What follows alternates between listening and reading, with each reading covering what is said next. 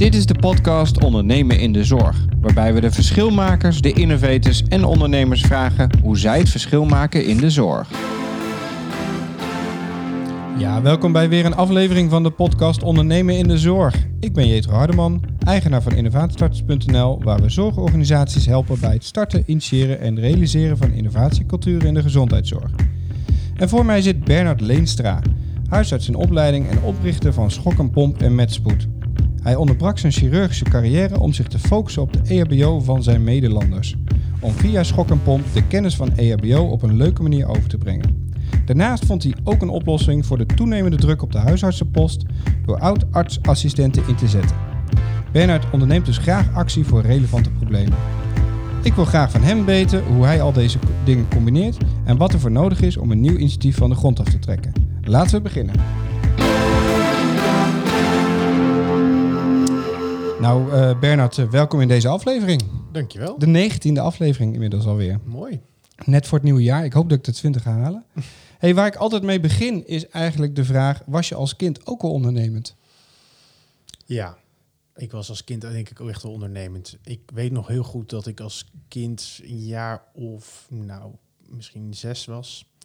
Toen ik ehm, de boodschappen van mijn ouders ging verkopen aan, Echt? aan de buren. Ja, en dat ik een eigen winkeltje was begonnen. En dat ik, dat ik de kelder plunderde en dat daar de, de bloemen en de aardappelen die werden verkocht. En eh, ik ging dan langs Ergens zie ik daar al een T-splitsing tussen ondernemerschap of crimineel pad, toch? Of niet? nou, tot, eh, tot mijn moeder die kon er nog om lachen. Maar op een gegeven moment was het wel klaar. Ja. En eh, dat, is, dus dat, dat, dat is volgens mij mijn eerste ondernemende ding. En eh, daaruit zijn er heel veel, of heel veel, toch wel redelijk wat nieuwe ondernemingen eh, gevolgd. Ja, want wa- wa- noem eens een voorbeeld. Wat heb je nog meer gedaan in je jeugd? Ehm, nou, ik denk in de middelbare schooltijd viel het nog wel mee. Maar we hadden, en bijvoorbeeld op mijn studententijd, had ik een, eh, samen met een paar eh, vrienden een eh, casino.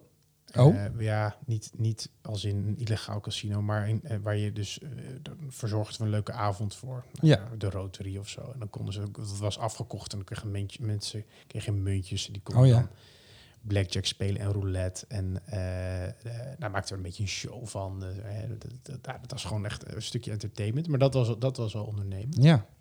Eh, ja, dus dat, dat, dat zat erin. En toen, ja, nee, nee, daarna is eigenlijk pas de echte onderneming ehm, is, is, is schok en pomp geweest. ja. En kom je uit een ondernemend nest dan? Totaal niet. Oké. Kun je iets Nee. vertellen over je ouders? Ja, ehm, ik zeg altijd, ik kom uit een leuk, gezellig links sociaal nest. ehm, met, eh, met drie zussen. Mijn vader is neurochirurg, hoogleraar in het, in het Erasmus. Eh, mijn moeder is eh, psycholoog en psychotherapeut.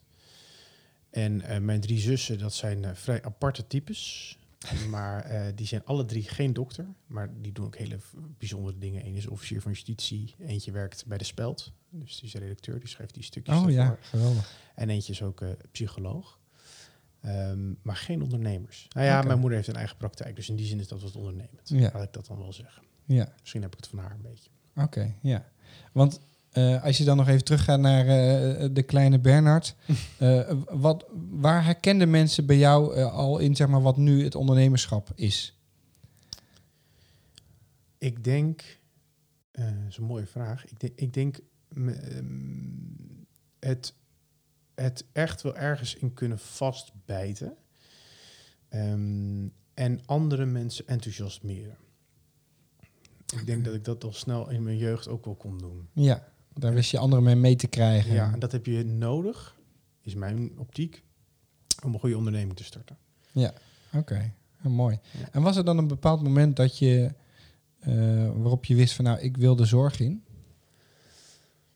Mm, Want ik kan me voorstellen, als je casinoavonden organiseert, ja. dat had ook een succes kunnen zijn, Nou, toch? Dat had ook mooi kunnen zijn. Nee, ik denk dat, dat mijn, mijn oom is ook huisarts. Eh, mijn vader is dus dokter. Dat zat er wel een beetje in. En ik, ik Hm. keek daar echt tegenop. Ik vond, dat, ik vond het heel interessant. Dus in die zin wilde ik wel naar de zorg. Maar ik had ook altijd wel wat affiniteit met bijvoorbeeld kleinkunst of de toneelacademie. Dat heb ik, spookte ook nog wel door mijn hoofd. Oké, Eh, maar op een gegeven moment wist ik al op de middelbare school... nee, ik wil echt dokter worden. ja. En zo geschieden. Ja, want is dat goed te combineren? Eh, e- nou, enerzijds eh, dokter willen, anders, anderzijds eh, theatrale ambities. Oh, eh, dat, is, nou, dat, is wel, dat is best een uitdaging. Ehm, ik merk dat ik het enigszins doe. Ehm, ik kom wel eens op televisie of op de radio. Om, om, kijk, ik, ik, waar ik ook mee kamp, en dat is, dit moet ik even uitleggen om deze vraag goed te beantwoorden, is een soort ontembare manifestatiedrift als het gaat om de zorg. Hm. Dus ik kan me echt opwinden over dingen die ik lees, zie of hoor over het nieuws, eh, wat, wat, wat, wat met zorg te maken heeft. Daar is Schokkenpomp deels ook uitgekomen, maar daar, is, eh, daar komt ook uit voort dat ik, dat ik graag over die dingen ten tonele eh, eh, verschijn om er wat over te vertellen. Ja. Bij programma's of ehm, schrijvend voor de Volkskrant. Of, en daar zit een stukje theatraliteit Ja. natuurlijk in. Ja, je wilt graag delen. Jouw, jouw blik op de zorg eh, delen. Ja, dat nuance aanbrengen. Ehm, ik vind het belangrijk bijvoorbeeld nu ook om een tegengeluid te laten horen als het gaat om die toch wel wat complotdenkers. Mhm. Met, het hele, met het hele corona-gedoe. Ja, ik, ik, ik vind dat wij dat als niet elke zorgverlener, maar er best zorgverleners mogen opstaan die zich als een soort ambassadeur gedragen. Om dat te zeggen: hallo, eh, jongens, let op, het zit zo. Ja. Ehm, nee, dus dat, dat, dat zit er wel heel erg in. Waar ik mee moet oppassen, en dat is ook nog een antwoord op je vraag, is dat je, mm, je als je met je kop op tv komt, of je, je, of, hè, je laat jezelf zien of horen, je patiënten zien dat ook. Ja. En die moeten een beetje oppassen daarmee. In die zin van ehm, dat je dingen zegt wat de patiënt ook wel accepteert. Is het een beetje te vergelijken met eh, de rol als burgemeester? Dat je dus een, een allemans eh, persoon moet zijn als dokter? Ja, eigenlijk wel. Ik zie, ik zie burgemeester, het burgemeesterschap als een soort verlengstuk van het huisarts zijn. Ja. Waarbij je, waarbij je dus ook echt in die samenleving staat en, en voor, voor de, iedereen binnen, jou, binnen jouw gemeente moet je opkomen. Ja. Dat kan de rijke kakker zijn, dat kan de postbode zijn, de immigrant. Ja. En dat is in de huisartsenpraktijk ook zo. Ja. Nou, dat lijkt me heel mooi. Ja, ja. Hey, ehm, nou weet ik dat jij een, eh, een chirurgische carrière had. Tenminste, je wilde chirurg worden. Maar dat onderbrak je door eh, schok en pomp op te starten. Ehm, ja, wat was dat moment dat je dacht, ik, ik moet stoppen? Ehm, nou, kijk, in die zin chirurgische carrière, ik, ik ben nooit in opleiding geweest. Er, er wordt nogal veel van je gevraagd nadat je dokter bent ehm, om chirurg te mogen worden voordat je in opleiding komt. Dus ik ben assistent chirurg geweest, het A-NILS, dus assistent chirurg niet in opleiding. Een promotietraject binnen de chirurgie, dat, nou, kost ook weer een aantal jaar. Maar toen ik daarmee bezig was, toen, toen realiseerde ik me wel, ja, ik, ik, ik, ik pas toch niet helemaal bij de chirurgie. Met name ook omdat ik dat ondernemen zo leuk vind. En dat, dat in dit stukje, daar doe ik dan op schok en pomp. Ja, Dat is een van de redenen dat ik dacht, ja, dat, dat is niet te combineren. Is niet, een chirurgische carrière met het opzetten van, van een bedrijf is wel heel lastig. ja. Nou, da- daar misschien op, eh, gelijk op vraag doen. Want jij doet best veel naast elkaar. Eh, schok en pomp, eh, volgens mij hap.nl. Ja, Happarts, ja, dat is eigenlijk nu overgegaan in, in Medspoed. Ja. Ehm, ik, ja, ik doe wel veel dingen tegelijk. Maar, maar hoe combineer je dat dan? Ik combineer dat door, ehm, doordat ik, ik denk dat ik best wel snel denk en doe. Dus ik kan ook heel snel beslissingen maken, omdat ik ook accepteer als die niet altijd goed zijn, omdat ik weet dat ik ze snel gemaakt heb. Ik doe mijn huisartsopleiding part-time, dat scheelt ook. En ik doe al veel in mijn hoofd. Dus ik, ik, eh, op, op de, eh, ik ben hier op de fiets naartoe gekomen bijvoorbeeld. Dan heb ik alweer iets in mijn hoofd, een stukje geschreven. En dan denk ik, oh, no to myself, daar ga ik Ja. nog wat mee doen. Ja. Ehm, zo, ja, zo combineer ik het. Maar als ik, als ik het samenvat wat ik doe, dan denk ik, hoe, hoe, doe ik dat Ja, eigenlijk? Dan weet ik het zelf niet eens. nee. Ja, maar dat, eh, toch, eh, toch lukt het op een soort 30 uur en 24 te proppen. Wat ik wel mooi vind is wat je zegt, dat triggert mij, is dat je zegt van joh, ik kan eh, heel veel doen omdat ik mezelf ook vergeef dat het niet altijd de juiste keuze is, maar ik ze wel snel heb gemaakt. Wat bedoel je daarmee? Nou, bijvoorbeeld, ehm, ik denk dat met name bijvoorbeeld perfectionisten, die, die willen heel erg zeker zijn van de keuze die ze maken, of dat wel de juiste keuze Ja, is. ja. Ik heb dat niet. Ik, heb soms ik maak soms keuze op gevoel, op een ingeving. Zonder dat ik dat heel goed kan onderbouwen. Maar dat ik zelf empirisch of in ieder geval dezelfde overtuiging heb dat, dat, dat, dat, dit, dat ik dit moet doen. En ik weet ook wel van mezelf dat dat niet altijd de juiste is. Maar dat accepteer ik wel. Als dat achteraf ook blijkt niet zo te zijn. Ja. Ehm, als ik dat niet zou doen, dan zou ik veel minder keuzes maken. En dan zou ik ook veel minder ver komen. Ja. Denk ik. Ja, ik, ik kan het alleen maar aanvullen, want wat ik, wat ik zelf eh, ook wel zie is dat, eh, en dan heb je het een beetje over hoe snel de maatschappij tegenwoordig verandert. Ehm, ik pleit ook altijd inderdaad van, goh, eh, eh, denk groot en begin heel klein en faal zo va- va- vaak mogelijk Mhm. om wendbaar te blijven.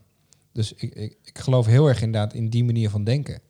Eh, Ja. En niet vast te pinnen op het moet 100% accuraat zijn. Nee. Want de wereld is niet accuraat. Nee, dat klopt. De wereld En- is chaotisch. Precies. En daar nog op aansluiten. Je moet ook niet de illusie hebben dat- dat je het ook perfect kan doen. Je Nee. kan er nog zo ontzettend lang over nadenken. Ja. Over plan A.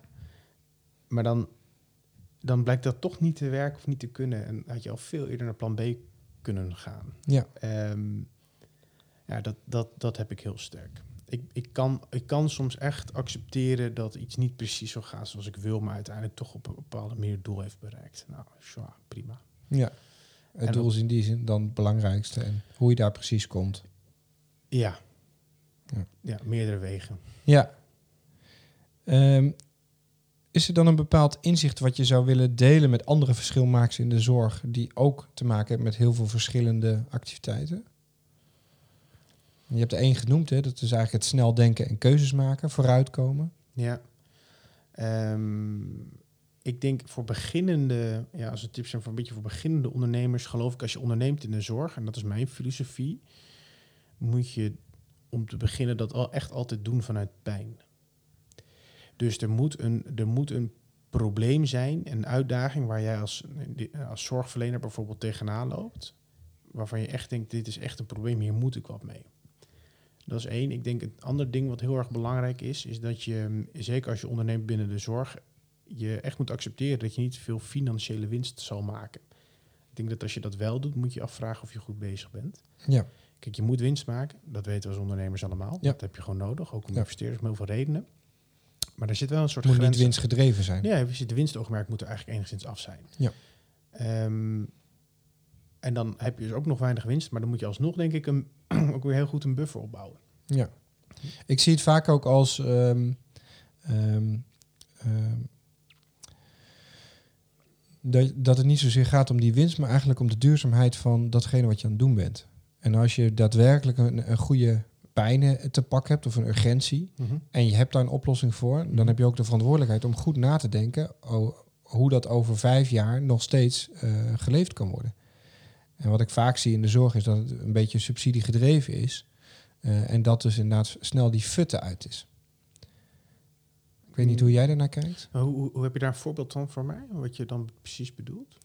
Dat als Nou, het- heel veel initiatieven starten natuurlijk vanuit een subsidie. eh, vaak idealistisch eh, eh, omgeven ook. Mhm. En stoppen ook met die subsidie. Mhm. En dat is volgens mij een andere manier van denken. waarbij mensen het als eerste grijpen naar waar is er een subsidie om te starten. Mhm. Terwijl een subsidie is natuurlijk een middel om wel te kunnen opstarten. Maar je moet nadenken over het businessmodel waarin je inderdaad winst maakt. Om uiteindelijk ook over een paar jaar nog steeds bestaansrecht te hebben. Ja. Dus daar zie ik ook een stukje van, je hebt winst nodig om duurzaam te blijven. Dat klopt. Maar het moet niet zo zijn eh, dat, eh, dat winst eh, je enige doel is. Want dan, Nou ja, ik denk dat dan gaat je... Dan is je intrinsieke motivatie gewoon niet goed. En ik denk dat intrinsieke motivatie een kernvoorwaarde is voor je onderneming in de zorg. Je moet begaan zijn met, met de uitdaging die je wilt oplossen. ja. Je moet eigenlijk aan aansluiten wat jij net zegt. Je, moet- je, je, moet ook persoonlijk de pijn voelen als het niet lukt. Dat je, dat je er echt van baalt. In plaats van dat je zegt, oh ja, het is toch niet mijn geld, hè, dus wat maakt het uit? En Ja. Ik, ik, ik- het zou mijn worst Het is het commitment ook, hè, wat je aangaat met jezelf Precies. en met, met de onderneming. Ja. Die toewijding moet je hebben. En ik, ik zou eigenlijk bij de subsidieverstrekkers zouden willen meegeven van je zou die toewijding en die intrinsieke motiva- motivatie echt ontzettend moeten toetsen. Want ik denk dat dat misschien wel de belangrijkste pijler is of het succesvol wordt, omdat diegenen die een hele goede intrinsieke motivatie hebben, die, die zetten door. Die Ja. hebben dat doorzetten. En Ja. ik denk dat dat doorzetten, dat is, dat, dat, dat, dat is zo nodig als ondernemer. Want het Ja. is niet altijd zaligmakend. Nee. Het is ook gewoon... Meer niet eigenlijk dan wel, toch? meer niet. En het, die illusie van de, vrij- de vrijheidsillusie, hè, dat, dan zeg ik ook ondernemer, want dan heb ik, ben heb ik wel lekker veel vrijheid. Vrijheid? Ik werk weer suf. Ja. Hè, dus, dus je... Keuzevrijheid heb je, maar, maar niet zozeer Ja, ja, de ik noem het- ik vrijheid noem het- financieel of... eh, Precies, nee. ik noem het de creatieve vrijheid, of Ja. keuzevrijheid, inderdaad. Het is ongeveer hetzelfde. Klopt, dat heb je. Dat is prachtig. Schitterend zelfs. Daarvoor, daarvoor vind ik het ook zo mooi. Ehm, maar je, je moet wel doorzetten. Als je ook dat tot, tot een succesvol einde wil brengen. Ja, En daarvoor heb je dan weer intrinsieke motivatie nodig. ja. En als we het dan hebben over die pijn, hè, er is een moment geweest dat jij dacht, schok en pomp moeten komen. Welke pijn lag daar aan vooraf? Ehm, het ervaren van het zien van patiënten die echt baat hadden gehad bij goede eerste hulpverlening op locatie, maar dat niet kregen. En dat zag ik op de eerste hulp in het Jeroen Bos ziekenhuis. En dat, dat, dat, dat is me altijd een beetje blijven, in mijn hoofd blijven zingen. En toen ben ik verder gaan zoeken, waar, waar- waarom volgen wij Nederlanders nou geen EHBO-cursus? Wat, wat is dat toch? Ja, En dan zie je, dan zie je eigenlijk dat de, de Nederlander heeft er gewoon geen zin in. Ze vinden die cursus, en ik zeg niet dat dit terecht is, maar, maar eh, degene die ik er naar gevraagd heb, zeggen ja, te suf, te saai, te duur, te langdradig, dat moet Ja. leuker. Toen dacht ik, oké, dan moeten we dat gaan doen. deal. Deal. Toen dacht ik, ja, dit, ga ik, dit, wordt mijn, dit wordt mijn, hier ga ik mijn tanden in zetten. Ja. En is het dan iets puur Nederlands? Of, of dat, dat mensen dat niet willen? Is het in andere landen anders? Of? Mm, Daar heb ik niet echt... Ja, het is in andere landen anders. Maar de reden dat het anders is... met name als we kijken naar landen die een beetje vergelijkbaar zijn met ons... Duitsland, Scandinavië... daar is het percentage mensen wat een EHBO-cursus vele malen hoger dan in Nederland. En de Hmm. reden daartoe is dat bijvoorbeeld... eh, in Duitsland moet je een EHBO-cursus hebben... wil je je rijbewijs halen. Oh, Dat is verplicht. In, Ah. in Denemarken en Noorwegen is EHBO zit vast in het onderwijs. Dus Kijk, de- ja. En, en sinds, sinds zij dat hebben ingevoerd hè, de- in Scandinavië, dat onderwijs, is het aantal geslaagde reanimaties eh, bijvoorbeeld verdrievoudigd. zo. Ja, dat Ja. was voor mij ook wel een, een, een, een van de grote pijlers dat ik een, een burgerinitiatief gestart ben om, eh, dat ik zei, dit moet, eh, dit Ja. moeten we ook doen. ja, want kun je iets vertellen over hoe ben je dan gestart met schok en pomp? Ik ben, ehm, nou eigenlijk heel simpel, ik dacht, ik, ik, ik denk dat ik dit leuker kan doen. Mhm. Ik denk dat ik de, ik heb wel een idee hoe ik mensen kan enthousiasmeren. En dat is door niet, niet een, een EHBO-instructeur voor de klas te zetten, die het overigens hartstikke goed doen hoor, dus, dus daar geen kwaad woord over. Alleen, hoe gaaf is het als jij les krijgt van iemand die ook echt met zijn poot in de modder staat? Ja, Bijvoorbeeld een dokter die zelf op de eerste hulp heeft gewerkt, die echt invoelbaar kan maken hoe het is om iemand te reanimeren. ja, En dat werkt. Dus bij schokkenpompen staan er artsen voor de klas, co-assistenten nu ook. Eh, maar mensen die, die echt, weet je wel, ook de achtergrondkennis hebben en ook ervaring van Ja. hoe het is om in zo'n, op zo'n eerste hulp te staan. ja. Dat het ook voor het echi voelt Ja, in plaats van iemand die het geleerd heeft. maar ik ben er zelf mee begonnen. ehm, zelf voor de klas gestaan en van mijn spaargeld heb ik eh, twee poppen gekocht. En die zijn ontzettend duur. En toen had ik niet Ja. zoveel spaargeld. En de pompen bedoel je de AED's of niet? Po- poppen en AED's. Oh, poppen. Ja, reanimatiepoppen. Ik Oké. ben hele dure reanimatiepoppen gaan kopen. Ja. En, en de AED's inderdaad. Fingers crossed. En ik ben eh, begonnen met eh, echt tien mensen die, die ik echt moest bijna smeken van... willen alsjeblieft naar mijn EHBO-cursus komen? en, eh, Alle begin is moeilijk, hè? alle begin is Oh, ja, moeilijk. in. Een, in een echt een, toen ook nog wel een beetje met een futloze PowerPoint en met allemaal. Ja, dat ik kan het niet meer voorstellen. Het is nu drie jaar geleden hoe dat er toen aanging, hoe amateuristisch. Maar dat, dat, zo is het echt begonnen. Ja, En toch sloeg het aan. ja, En dat smaakte naar meer. ja. En wat was de volgende stap dan? Dan heb je zo'n training gegeven en toen? Ehm, nog een training, nog een training. En toen had ik genoeg geld verdiend voor nog een pop. En toen kon ik iets meer mensen op de training krijgen. En toen had ik wat nog was, daar nog meer geld voor nog een pop. En dat is echt hoe het gegaan is. Ja, En nog een AED. En, toen, nou, en, dat, en zo, is die echt, dat cumulatieve, dat, dat is zo gewoon doorgegroeid. En toen dacht ik, ja, ik kan ook niet meer zelf nu ook. Ik had zoveel populariteit dat ik, ik werd helemaal Ja. gek. Want ik stond vier, keer- vier, vijf avonden in de week nu. Ja. Zelf eh, in het, toen nog in het calamiteitenhospitaal in Tuumse Utrecht in de kelder zonder, zonder ramen. Och, jeetje. stond, ik, stond ik les En toen dacht ik, nee, ik, moet, ik heb hulp nodig. Ja, Dus ik, heb, ik had meer, eh, eh, meer docenten. En ja, toen weet ik nog eerst de eerste drie. En toen, ehm, ja, nu, eh, nu zijn we met z'n 39. zo, Ja. zo. Heb je ook eh, dieptepunten gekend tijdens die opstart? Ja. ja. Kun je er eentje noemen? Ehm, ik, ik, ik denk dat je... mm, Mijn grootste di- dieptepunt is dat ik geïnvesteerd heb in eh, VR-brillen. Denk ik wel. Even, even kijk even naar, naar gewoon even pure schok en pomp dieptepunten waar ik, waar, ik, waar ik zelf debet aan heb. Ja.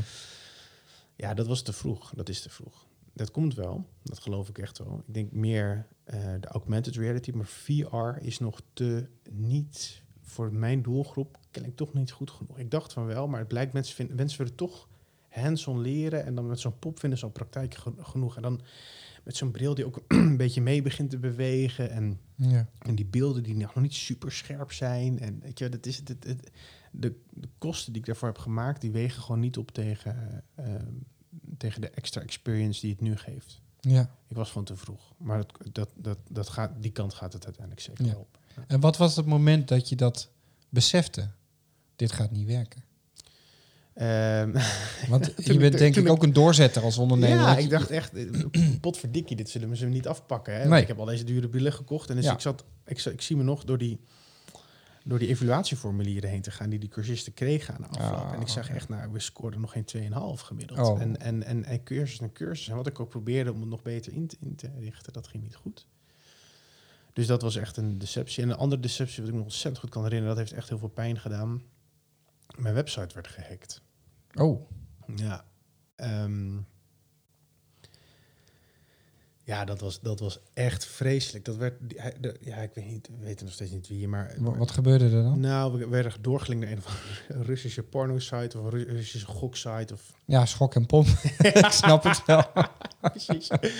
maar eh, nou, het grote nadeel ervan is, dat onderschat ik echt. Maar ze hadden de hele... Hè, dus, dus voor de mensen die niet weten hoe websites werken... maar je hebt een front-end en een back-end. Zeg, zie het maar als een soort schoenenwinkel.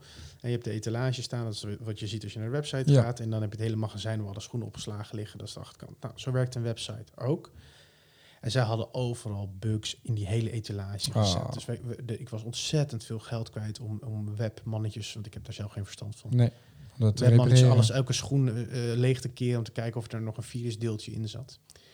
Dat heeft me veel geld gekost. Ehm, ik had toen nog niet zoveel geld. Of Schokkenpomp had toen nog niet zoveel geld. En wat nog vervelender is... is dat Google die, die, die ziet dat jij doorlinkt naar een Russische Oh, website... ja. maar die weet niet dat jij gehackt bent. Dus die, wat die doet, is die gaat je gewoon op de, op de vindpagina helemaal terugplaatsen. Ja, ja, ja. Want ik stond echt bovenaan. Als je EHBO-cursus intikt op een gegeven moment, stond ik gewoon organisch. Stond Ja. ik gewoon echt op de eerste pagina, op een van de eerste. eh, je, dat is ontzettend goed voor je bedrijf. Ja, ja. Nou, dat was weg. Ik stond echt op, op plek 18 van de weet ik, vierde pagina. daar of komt niemand komt meer. Niemand meer. Nee. En ik zag het meteen. De cursus, joh, de aanmelding, die, die daalde, die kelderde enorm. Ik kon er niks. Ik heb Google nog contact gezocht. Het is heel vervelend, maar daar kunnen we gewoon Ja. niks aan veranderen. Nee, dat is het algoritme. Dat is het algoritme. Nou, dat Ja. was ook wel echt een dieptepunt. Ja. Ja. En hoe ben je daarmee omgegaan? Eh, dat heeft wel een slapeloze nacht gekost. Kan Eentje? Ja, nou, ja, wel een paar. Nou, echt slapeloos. Ik heb daar wel echt... Kijk, ik kan er niet tegen als... eh, of ik vind het moeilijk te verkroppen als mij iets overkomt waar ik echt niks aan kan doen. Eh, dat, dat iemand mij naait eigenlijk. Want dat, dat is Ja. even kort gezegd wat hier gebeurt. Ja, dat, dat is lastig. Ehm, en ik zag even gewoon ook niet... Want zeker de momenten dat we nog niet wisten hoe we het op zouden lossen Ja. denk je, hier, hier stort mijn bedrijf in. Ja. Ik heb straks helemaal niks meer. Dat denk je dan. En dat, nou, dat, eh, ja, weet je, ik, ik ben geen binnenvetter, dus ik kan goed over mijn emoties praten. En eh, mijn toenmalige vriendin ook wel. Dat was ook een, een goede steun. En mijn familie en vrienden. Dus dat, dat, dat, dat hielp wel. Maar je bent ook ondernemer. Ja. Dus je zet door. En dat heb ik gedaan en het is opgelost. En het is, weet je, nu, nu kan ik er nou, om lachen. Zo. Nee, ik kan er Nee. niet om lachen, maar kan het wel. Het is wel afgesloten. Ja. Ja. Geen last meer van. Nee. Hey, en als we dan kijken naar de coronacrisis die nu eh, gaande is, eh, wat volgens mij ook effect heeft op alles wat met groepen te maken heeft, dus ook jouw trainingen. Eh, hoe ga je daar daarmee om? Dat is ook een dieptepunt. Oh, je zit in een dieptepunt nou, eigenlijk. nu niet meer, want we mochten geen cursussen geven. Dat mogen we nu wel. Oké. Ehm, ja, dat was... Dat is vreselijk. Want, eh, dus, hè, dus, dus, dus we gaan nu een stuk verder. Die, die hack doen was schokpom nog echt heel jong. Maar de coronacrisis is nu. We zijn nu wel echt, vind ik, een, een, een nou, noem het maar gewoon echt een bedrijf. Ja.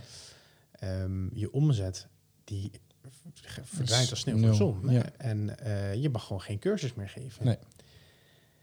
En val je dan in een bepaalde regeling, zit ik te Nee. denken? Nee. Nee, Geen horeca. geen horeca. geen, eh, En wij werken dan ook nog met, met, met ZZP'ers. Hè. Dus wij krijgen eigenlijk ook...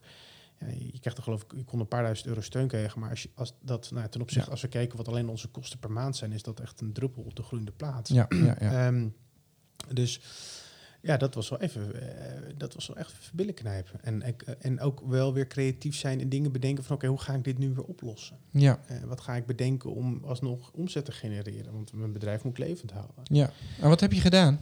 Nou, ehm, een van de, van de mooie dingen is, en daar ben ik nog steeds ontzettend trots op, is dat, dat al konden wij ook, hè, het werd best wel, eh, ja, best wel krap, dus je kon geen cursus meer geven, je kon dus ook geen docenten betalen in die Nee. zin.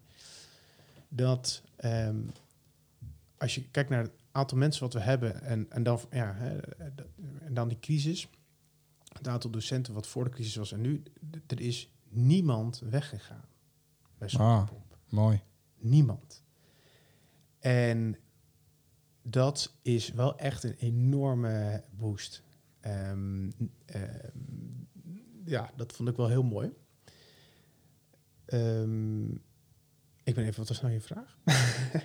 Nee, hoe je er nu mee omgaat. Ah, wat je gedaan hebt. oh ja, dus dat, dat geeft veel. Dat geeft veel ah, wat ik gedaan heb is, dacht, oké, koppen bij elkaar, jongens. Eh, we, gaan het, we moeten vol op de meer op de e-learning gaan investeren. We moeten.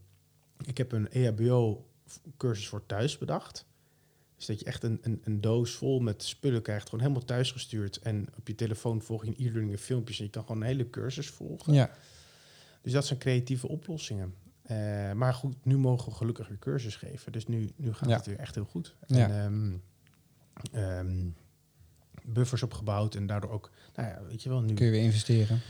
Kan weer investeren, maar ook weer, ja, eh, het loopt weer. Ja. Nog, het gaat eigenlijk best wel heel erg goed. En eh, de groei die we verwachten, als dit, nou even los van wat de corona weer gaat doen, hè, Ja. maar als dit zo doorgaat, dan heb ik wel, dan wordt 2021 voor ons een heel mooi jaar. Ja, ja.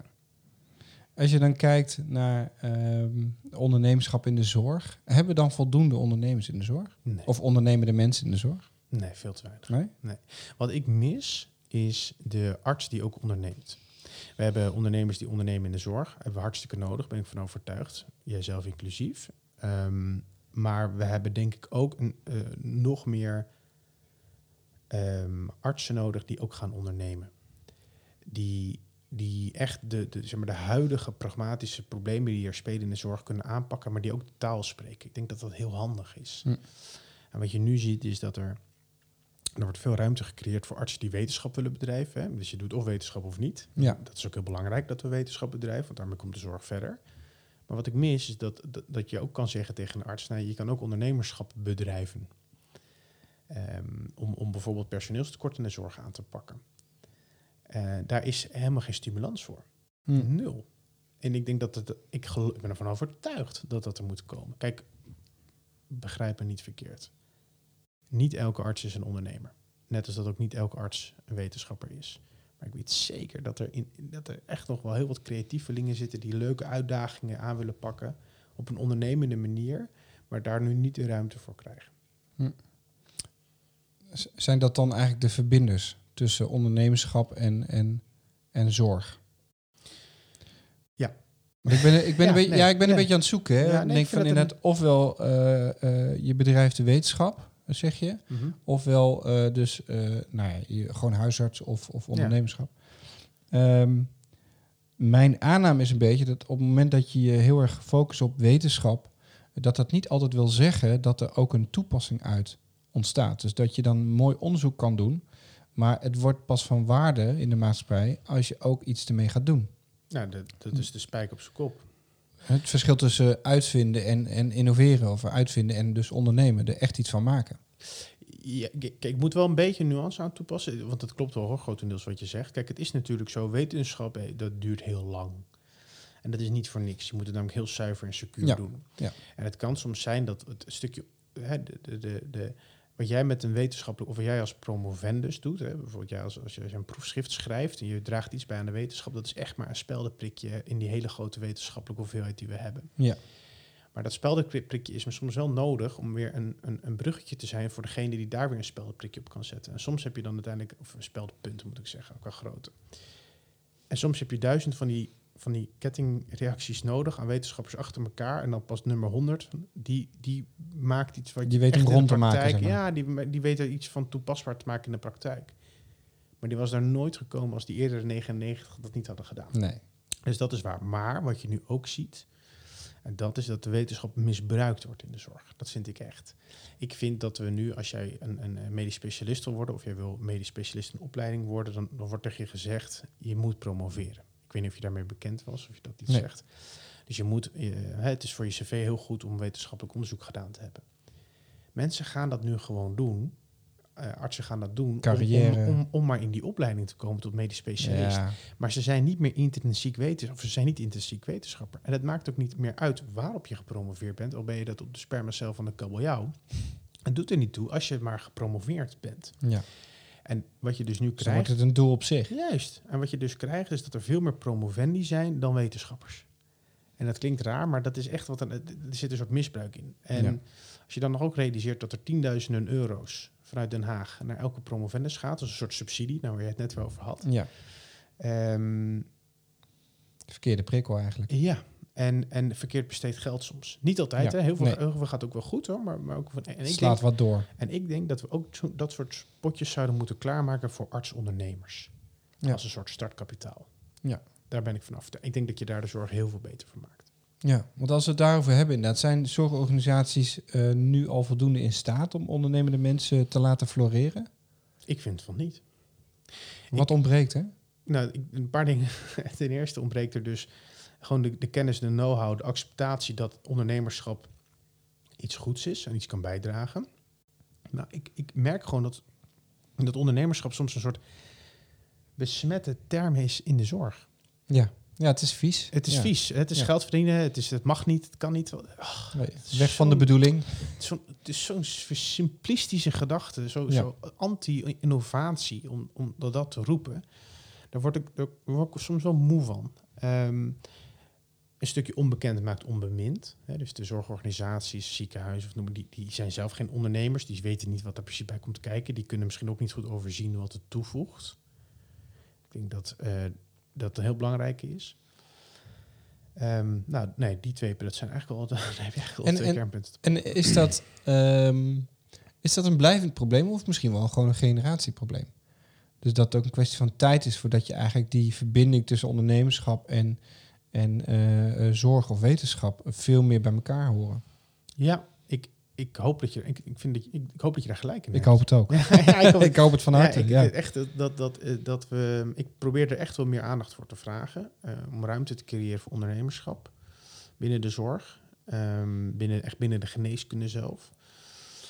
Maar het is nog wel een taaie bedoeling. Kijk, artsen zijn over het algemeen, de, zeker wat ouder, aardsconservatief. Ehm, Ja. Dus dat, is, dat moet je heel rustig inmasseren. ja. En voorbeelden laten zien, zoals Schok en Pomp. Zoals er genoeg andere bedrijven van mensen die jij ook hier voor de microfoon hebt gehad. Die echt kunnen laten zien wat hun onderneming toevoegt op een directe of indirecte manier voor de zorg. Ja. ja, mooi. Moeten mensen in de zorg leren ondernemen of moeten ondernemers leren meer zich in de zorg te verdiepen? Nou, als ik echt tussen beide, maar als ik echt zou moeten kiezen, dan zou ik voor het eerste gaan. Ik, ik denk dat veel meer artsen ehm, eh, zouden moeten ondernemen. Of moeten, dat is, klinkt zo, Nee. zo, zo. Maar ik bedoel, ik denk dat er echt wel artsen zijn. Kijk, weet je wat je er tegenaan loopt als dokter? Je bent best wel druk, hè? Het is best, best een- Ja, dat is een understatement Men- volgens mij. zegt het? Ja. Dus ik, wat je ziet is, ja, heel veel artsen zijn echt wel creatievelingen. En die, die, nu ik zelf onderneem en daar ook een beetje wat bekend in ben, komen artsen ook wel eens naar mij toe. Ze zeggen, "Goh, ik heb echt een supergoed idee. En dan, nou, dan ga ik altijd met sparren. Vind ik echt fantastisch namelijk. Vind ik Ja. superleuk. Ja. En dan hebben we het idee een beetje uitgewerkt. En dan, zou, en dan sta je op het punt te beginnen en dan stoppen ze. Ja, wat is, wat, de, nou, wat is dat? Wat is dat? Leg uit. Ik denk dat het enerzijds te maken heeft met men heeft in hun hoofd het hele idee al uitgekristalliseerd. Dus de nieuwigheid is er een beetje vanaf. Ja. Je hebt de tekening al gemaakt, als het ware. Je hebt je, je formule opgelost. Dus in je hoofd klopt het. Dus daar, Ja. daar, of, krijg je al een soort van dopamine-effect van... oh yes, dit is gelukt. ja. Ik heb het idee nu uitgewerkt. En dan, en dan een combinatie van het feit dat je het moet doen... dat kost inderdaad tijd en moeite. Hè? Ja. Geld. En daar moet je echt voor investeren. En je moet ervoor doorzetten. En daar heb je gewoon niet zoveel ruimte voor. Want je moet ook nog je... ja, je hebt je diensten, je hebt je gewoon je patiëntenzorg. Je hebt, moet je ook nog je vakliteratuur bijhouden. Dan heb je ook nog drie kinderen, je hebt een hond, je moet nog tennissen. Je moet nog, weet je, dus dat is best lastig. Ehm, maar er zijn heel veel... Maar wat is, de, wat is dan het verschil tussen, ik noem het maar even, de zorgondernemers die wel de volgende stap zetten en de mensen die dus daar stoppen? Oh, ik Dat is toch fascinerend? Ja, dat is ook fascinerend. Ik denk echt dat dat... Dan, dan kom ik er terug een beetje... Qua bij- drukte zullen ze niet, de ondernemer heeft het net zo druk namelijk. Alleen die weet daar bepaalde verschil in te maken. Ja. Ja, ik, dan, dat, is een, dat is een hele goeie. Dan zie je toch dat dus niet elke arts een echte ondernemer is. Ehm, en dat je dus wel dat stukje bevlogenheid, intrinsieke motivatie en dat doorzetten, dat moet je ook in je hebben. Naast die creativiteit voor de, hè, voor de, Mhm. voor de oplossing van het probleem. Dus dat hebben ze al getoond dat ze dat hebben. Ja. Maar dat stukje doorzetten, dat zit er dan kennelijk niet goed genoeg in. En waar dat dan weer precies vandaan komt, ja, dat is heel lastig. Dat zou ik ook niet durven te zeggen. Waar ik wel aan moet denken is, ik heb ook Philip Kroon eh, in de uitzending gehad. Mhm. En wat ik daar inspirerend aan vond, is dat hij eh, een, een nieuw bedrijf startte. eh, maar ook al wist dat hij zijn kooschappen volgens mij wilde gaan lopen. Dus eigenlijk daarna geen tijd meer had. Mhm. Dus hij had binnen een bepaalde termijn, moest hij iets regelen waarop dat bedrijf dan ook echt kon lopen. Dus hij werd eigenlijk gedwongen om heel snel na te denken in een groter plaatje dan dat hij oorspronkelijk was. Dus Mhm. hij is heel snel, heeft hij iemand aangenomen die dat kon gaan doen. Mhm. Ja, dat, Ehm, dat ben ik ook gaan doen. Ja, en, en dat is misschien wel ook een soort van, eh, vind je daar ook de creativiteit om dus groter te denken dan waar het nu is? Ja, mooi. En ik denk, ik wil er nog iets aan toevoegen. Kijk, waar artsen misschien soms ook wel een handje van hebben, waarom het ook wel strandt, is dat ze willen het graag zelf doen. Ja, het is van mij. Het is van mij. ehm, en dat betekent ook, als je dat wil en wil houden, dan ja, moet je het zelf ook oplossen. En dan Ja. moet je zelf ook eh, aan de slag. En een van de tips die ik wel geef, voor als je komt met een, met een uitdaging, of je, je bent een oplossing voor, jou, voor, voor een probleem binnen de zorg, maak nou een team. Maak echt een team. Wie heb ik nodig en met wie wil ik dit doen? En met hoe, hoe meer mensen jij in je team hebt, hoe beter je de taken kan verdelen, hoe, hoe beter je time management. Mhm. De keerzijde daarvan is dat je je zeggenschap ook moet inleveren. Ja. Nou, en dat is soms voor, mensen soms toch echt lastig. Maar ja, eh, ja ik, dan, dan op een gegeven moment houdt het op. je kan het niet allemaal willen. Je moet Nee. bereid zijn concessies te doen. En ik vind zeggenschap opzeggen, heb ik helemaal geen moeite mee. Ik ben niet meer nu bijvoorbeeld de directeur van Schok en Pomp. Hm. Ik ben wel de medisch directeur, dus innovatie en de dingen die ik leuk vind, die kan ik doen. Ja. Ehm, maar de, de dagelijkse, hè, de, de, de echte, het leiden van het bedrijf, dat is nu eh, Ingeborg van der Eijk. Ja. En eh, die doet dat heel goed. En dat is ook, weet je, die kan dat ook. Maar dan kan ik weer verder met mijn creativiteit. Ja. Maar ik lever wel mijn zeggenschap daarvoor in. ja, mooi, inspirerend. Ja. hey, eh, nou heb ik jou ook gevraagd om een persoonlijkheidstest in te vullen.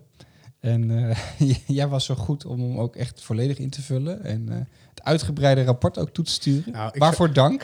ja, ik, ik zat te kloten best met spannend, de ik. dat ging niet goed. Toen dacht ik, nou, ik neem die pdf wel. En, eh, Oké, ja. Ik heb mezelf nog niet eens gezien, weet je. Nee, Nee. oké. Oh, nou, dan wordt het wel interessant.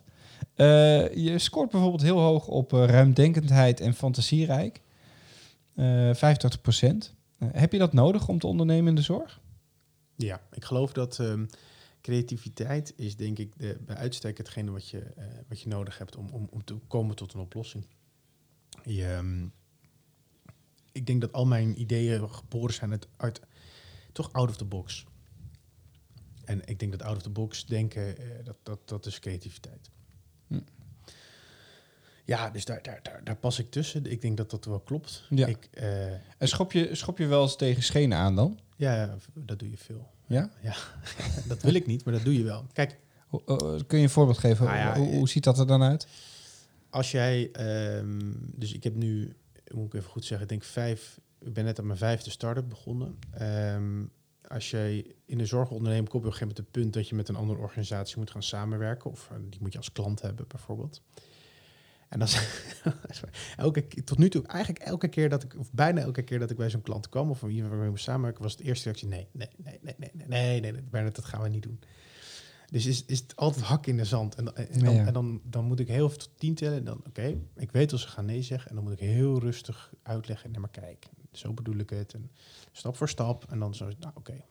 Ja. Dat wel. En dan schop je soms tegen scheen aan. Ook omdat je soms dingen echt an- anders doet.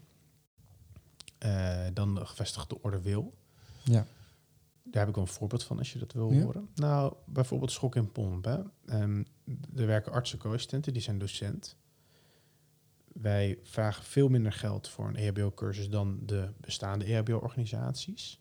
Hmm. Dat komt omdat we ook niet zo heel veel salaris hoeven uit te keren. Want iedereen doet het uit een soort intrinsieke motivatie. Ehm, maar er zijn EHBO-instructeurs die gewoon bij het Rode Kruis werken of het Oranje Kruis. En die leven ervan. Ja. En als je zo distributief op de markt Ja. komt, dan zet je wel een beetje buiten spel. Ja, daar heb ik nooit over nagedacht. Dat meen Nee. ik oprecht. En dat is al helemaal niet mijn bedoeling. Want ik, ik, heb- we hebben hen ook nodig. En hard ook. Ja. Dus dat is wel iets, daar kom je op een gegeven moment in een soort spagaat van ja, aan de ene kant wil ik de, de, de EHBO-kennis in de samenleving verbeteren. En dat, dat kan deels door het maar zo goedkoop mogelijk aan te bieden, Ja. want dan komen mensen tenminste. Ja. Maar aan de andere kant wil ik helemaal niet dat mensen straks hun, hun, hun inkomen verliezen doordat, doordat ik alles van ze wegkaap. Ja. Nou, dat is best lastig. Ja, kan ik me voorstellen. Aan de andere kant, maar dat is meer een beetje op metaniveau, is dat natuurlijk eh, wat ondernemerschap eh, of, of marktwerking, dat is helemaal zo'n vies Ja. woord, maar wat, wat wel soms nodig is. Dus dat je inderdaad een disruptieve speler nodig hebt om de gevestigde orde wel wakker te schudden. Want blijkbaar, er zat een pijn. Het was te duur en saai. Ja, Ja, en als, je, als dat de enige partij is die het aanlevert, dan gaat iedereen daarheen, tenminste. Totdat er iemand komt die dat veel leuker en goedkoper kan doen. klopt. Maar ja, ik kan me ook voorstellen dat dat soms wel... ehm, Nou ja, dat, wil ik helemaal niet. nee, Ik, ik, ik, ik, vind dat echt. Ik was op, het, eh, op een studiedag van het Oranje Kruis. Toen mocht ik een eh, kort praatje houden. En toen kwam Oh. ja, ik ben het Hol van de Leeuw uitgenodigd. Ja, een precies. studiedag waar alle EHBO... En toen kreeg ik wel echt van, ja, jij pleegt broodroof. Hmm, Nou, daar was ik wel even stil van. ja, Want ik vind, ik, ik, ik snap dat. ja, En ehm, ik ben nu ook wel aan het kijken of we toch hen ook bij Schok en Pomp kunnen gaan betrekken. ja, Dat we ze een beetje meenemen in hoe wij dat doen. En dat ze zelf ook weer voor de... Hè, dus dus ik, ik denk, het, het, het laat me niet koud, laat ik Nee. het zo zeggen. Maar je hebt wel gelijk met wat je zei. Dan betekent dus dat het nodig was. Ja, dat is Ja. ook zo. Hey, er komt heel duidelijk naar voren dat je voorkeur geeft aan flexibele plannen en niet houdt van eh, nauwkeurigheid. Eh, dat hoor ik ook al een beetje in het gesprek. Eh, was dat misschien ook de reden dat chirurgie niet helemaal paste? Of? Mm. Eh, nou, dat zou ik niet zo zeggen. Ik denk dat je als chirurg juist ook heel flexibel moet kunnen zijn. Dat je ook heel snel moet kunnen zeggen, oké, A werkt niet. We gaan het via B benaderen. Oké, via C, hè. Ehm, eh, mijn vader zei dat altijd, hè, dat perfectionisme ook niet zo thuis ho- hoort in de chirurgie. Dat je op een gegeven moment ook moet... Kijk, je moet, er geen zoontje van maken, we- Nee. dat vooropgesteld. Maar, maar op een dat moment moet je wel nou, je iets moet, doen. ook, je moet op een gegeven moment ook echt handelen. Ja, En, en de tijd is soms ook echt een factor tijdens de operatie. Als iemand aan het Ja. bloeden is, dan moet je gaan. Ja. Ehm, dus ik denk dat die flexibiliteit er wel had gepast. Het harde werken had bij mij heel erg gepast. Maar het was voor mij te eentonig geweest. ja, je bent wel van flexibiliteit, meerdere plannen, meerdere Ja, ik ideeën. ben echt een generalist puur zang.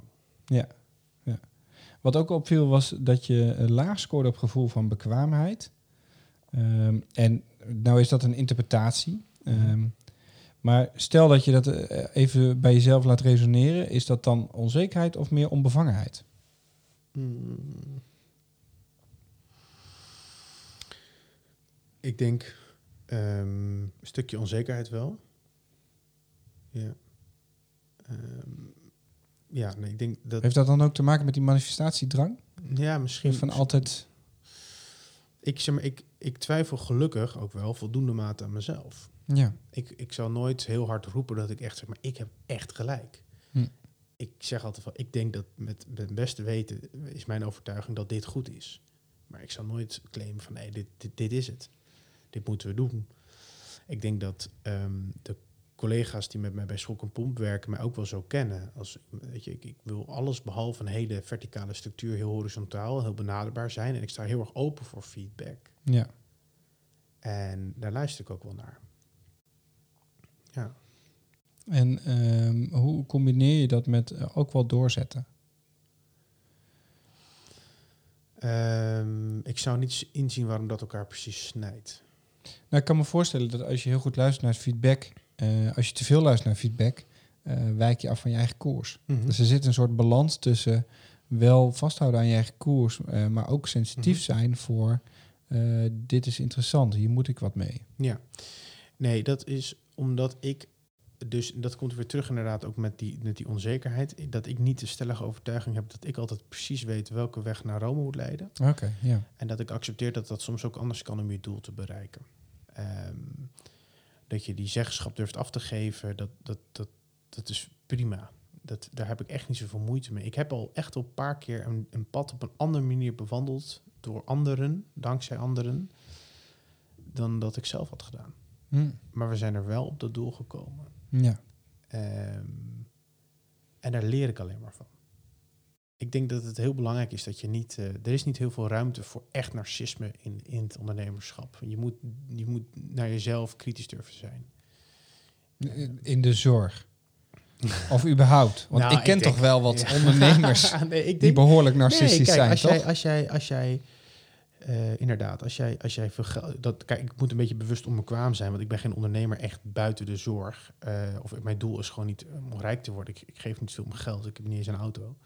Maar de, de, ehm, als jij een koekjesfabriek wil beginnen en je wil er knallen en rammen en of, of eh, malafide overnames, weet ik veel, en je Ja. gewoon, het gaat om geld, ja, dan moet je misschien een beetje narcistisch zijn of een, een, een, een scheid hebben gewoon aan, Ja. aan Ja, de anderen doel bereiken. Ja, niet ik werk met mensen en over mensen en voor mensen. Ja. Daar moet je, dat moet je koesteren en daar moet je heel erg, vind ik, voorzichtig mee omgaan. Eh, ja, er is volgens mij niet zoveel ruimte voor narcisme. Wel gezond. Ik, ik heb een soort ge- gedoseerd egoïsme wel, maar, maar precies in voldoende mate om, om, om zelfvertrouwen genoeg te hebben om te zeggen, ik ga dit doen. Oké. Nou, misschien eh, het- als we het daarover hebben. eh, op extraversie scoor je echt heel hoog. 97% Super extravert. Ja. Eh, denk je dat het essentieel is om te kunnen ondernemen in de zorg? Ja. ja. Waarom? Om, nou, essentieel is... Voor mij heeft het heel geholpen, omdat ik denk dat... Ik weet dat ik heel extravert ben. ehm, omdat ik met dat extravert zijn mensen ook kan enthousiasmeren. Je valt op, je weet mensen te raken. ehm, je, je kan ze meenemen. En dat, dat in jouw denken, in je doen, in je drive, in je doel, in je ambitie. Ja, daar zit dat aan vast. En zonder dat was ik daar, was ik. Kijk, schok en pomp is een succes. Zeker enigszins geluk. Maar echt voor de rest door het team.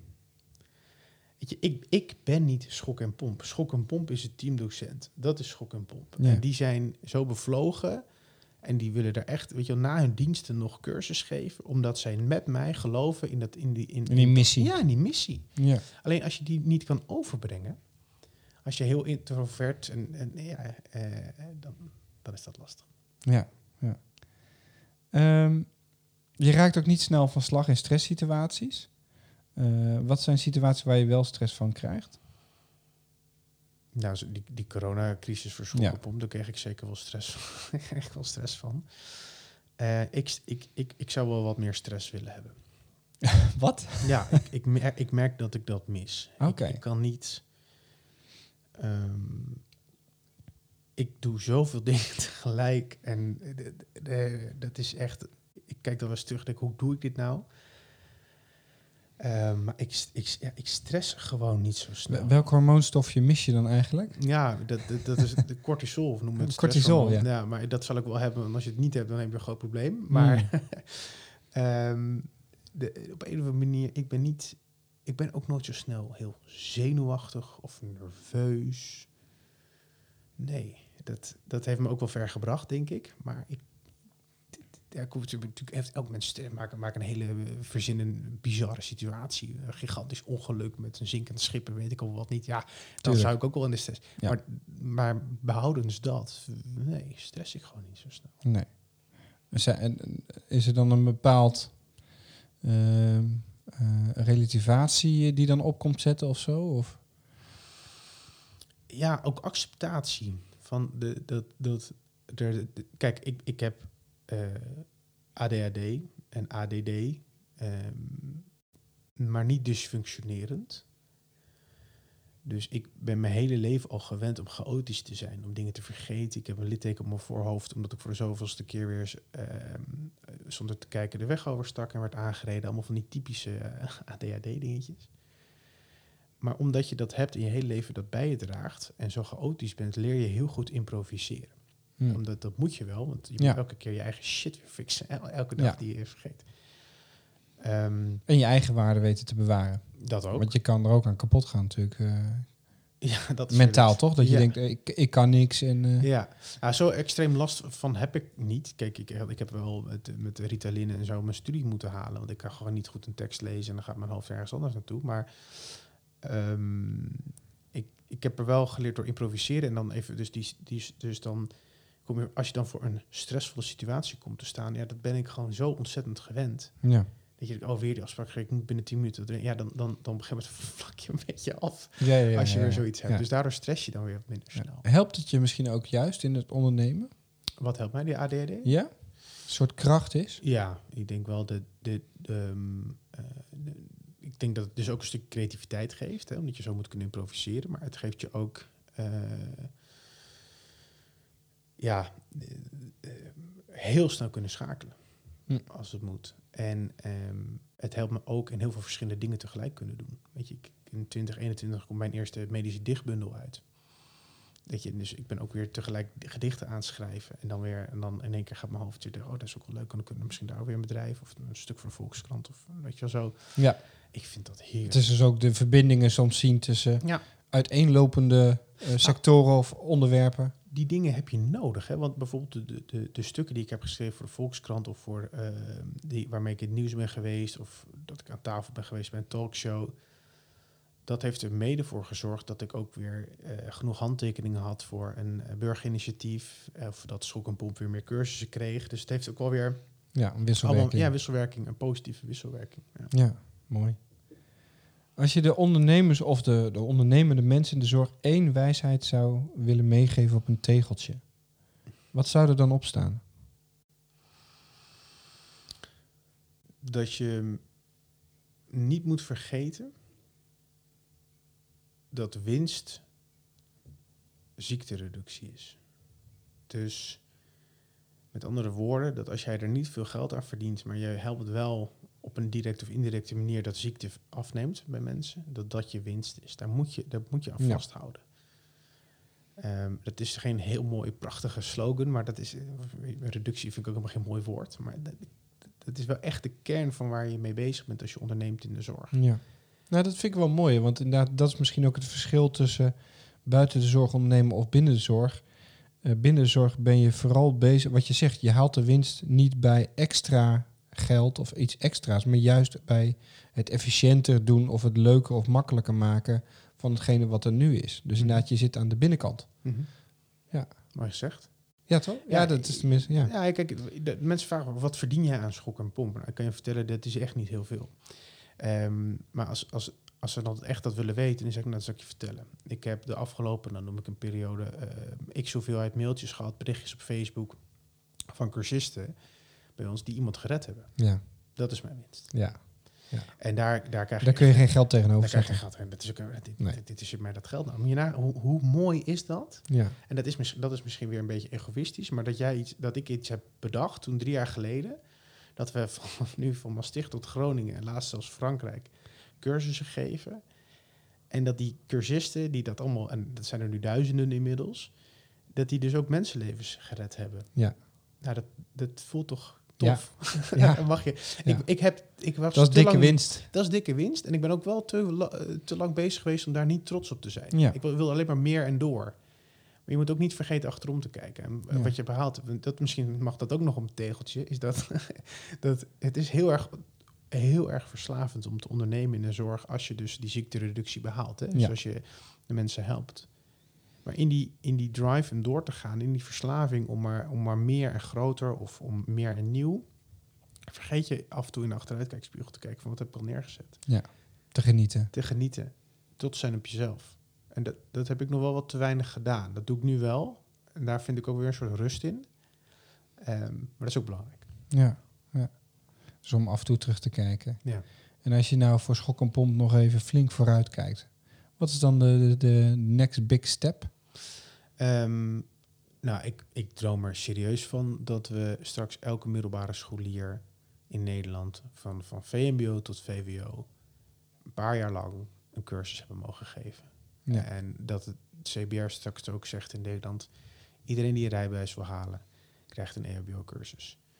En ehm, En dan als ik helemaal mag dromen, dat we, dat we ook als jij je paspoort haalt bij het gemeentehuis gevraagd, oh, nog even uw jaarlijkse EHBO-cursus, hoe ver was u daarmee? Mm. Ja, dat is een utopie, dat begrijp ik het laatste. Maar het, le- het, het levert Nederland zoveel op als iedereen, elk volwassen mens wat daar fit toe en mentaal in staat is, enige kennis heeft van levensreddend handelen. Dat is echt niet normaal wat dat zou betekenen voor de volksgezondheid en voor de kosten op de zorg. Ja. Echt waar. Ja. Dus Ja. dat is wel een, een big missie. Ja. Maar goed, zo heb ik wel meer. ja. Hey, afsluitend, als iemand meer wil weten over jou of eh, Schok en Pomp, hoe kunnen ze dan contact opnemen met jou? Ja, ik zeg altijd, voeg me even toe op LinkedIn, op Bernard Leenstra. Ik, eh, ik hoop en vind dat ik heel benaderbaar ben. En ik wil altijd meedenken over, nou ja, schok en bom, dat mag zeker. Maar ook over ja, artsen, of niet artsen, die willen ondernemen in de zorg. Die een plan hebben of een idee. Ehm, ik hoef er ook echt helemaal niks voor. Ik vind dat zelf hartstikke leuk om over na te denken. Dus eh, doe dat vooral. Wauw, oké. Hartstikke bedankt. Graag gedaan.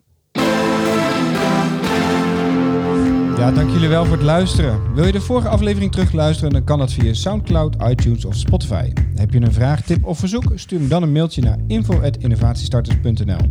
En vind je deze podcast interessant? Laat dit dan weten via sterretjes, duimpjes of reviews en deel de podcast met jouw collega's. Tot de volgende keer en laten we met z'n allen de zorg slimmer, beter en vooral leuker maken.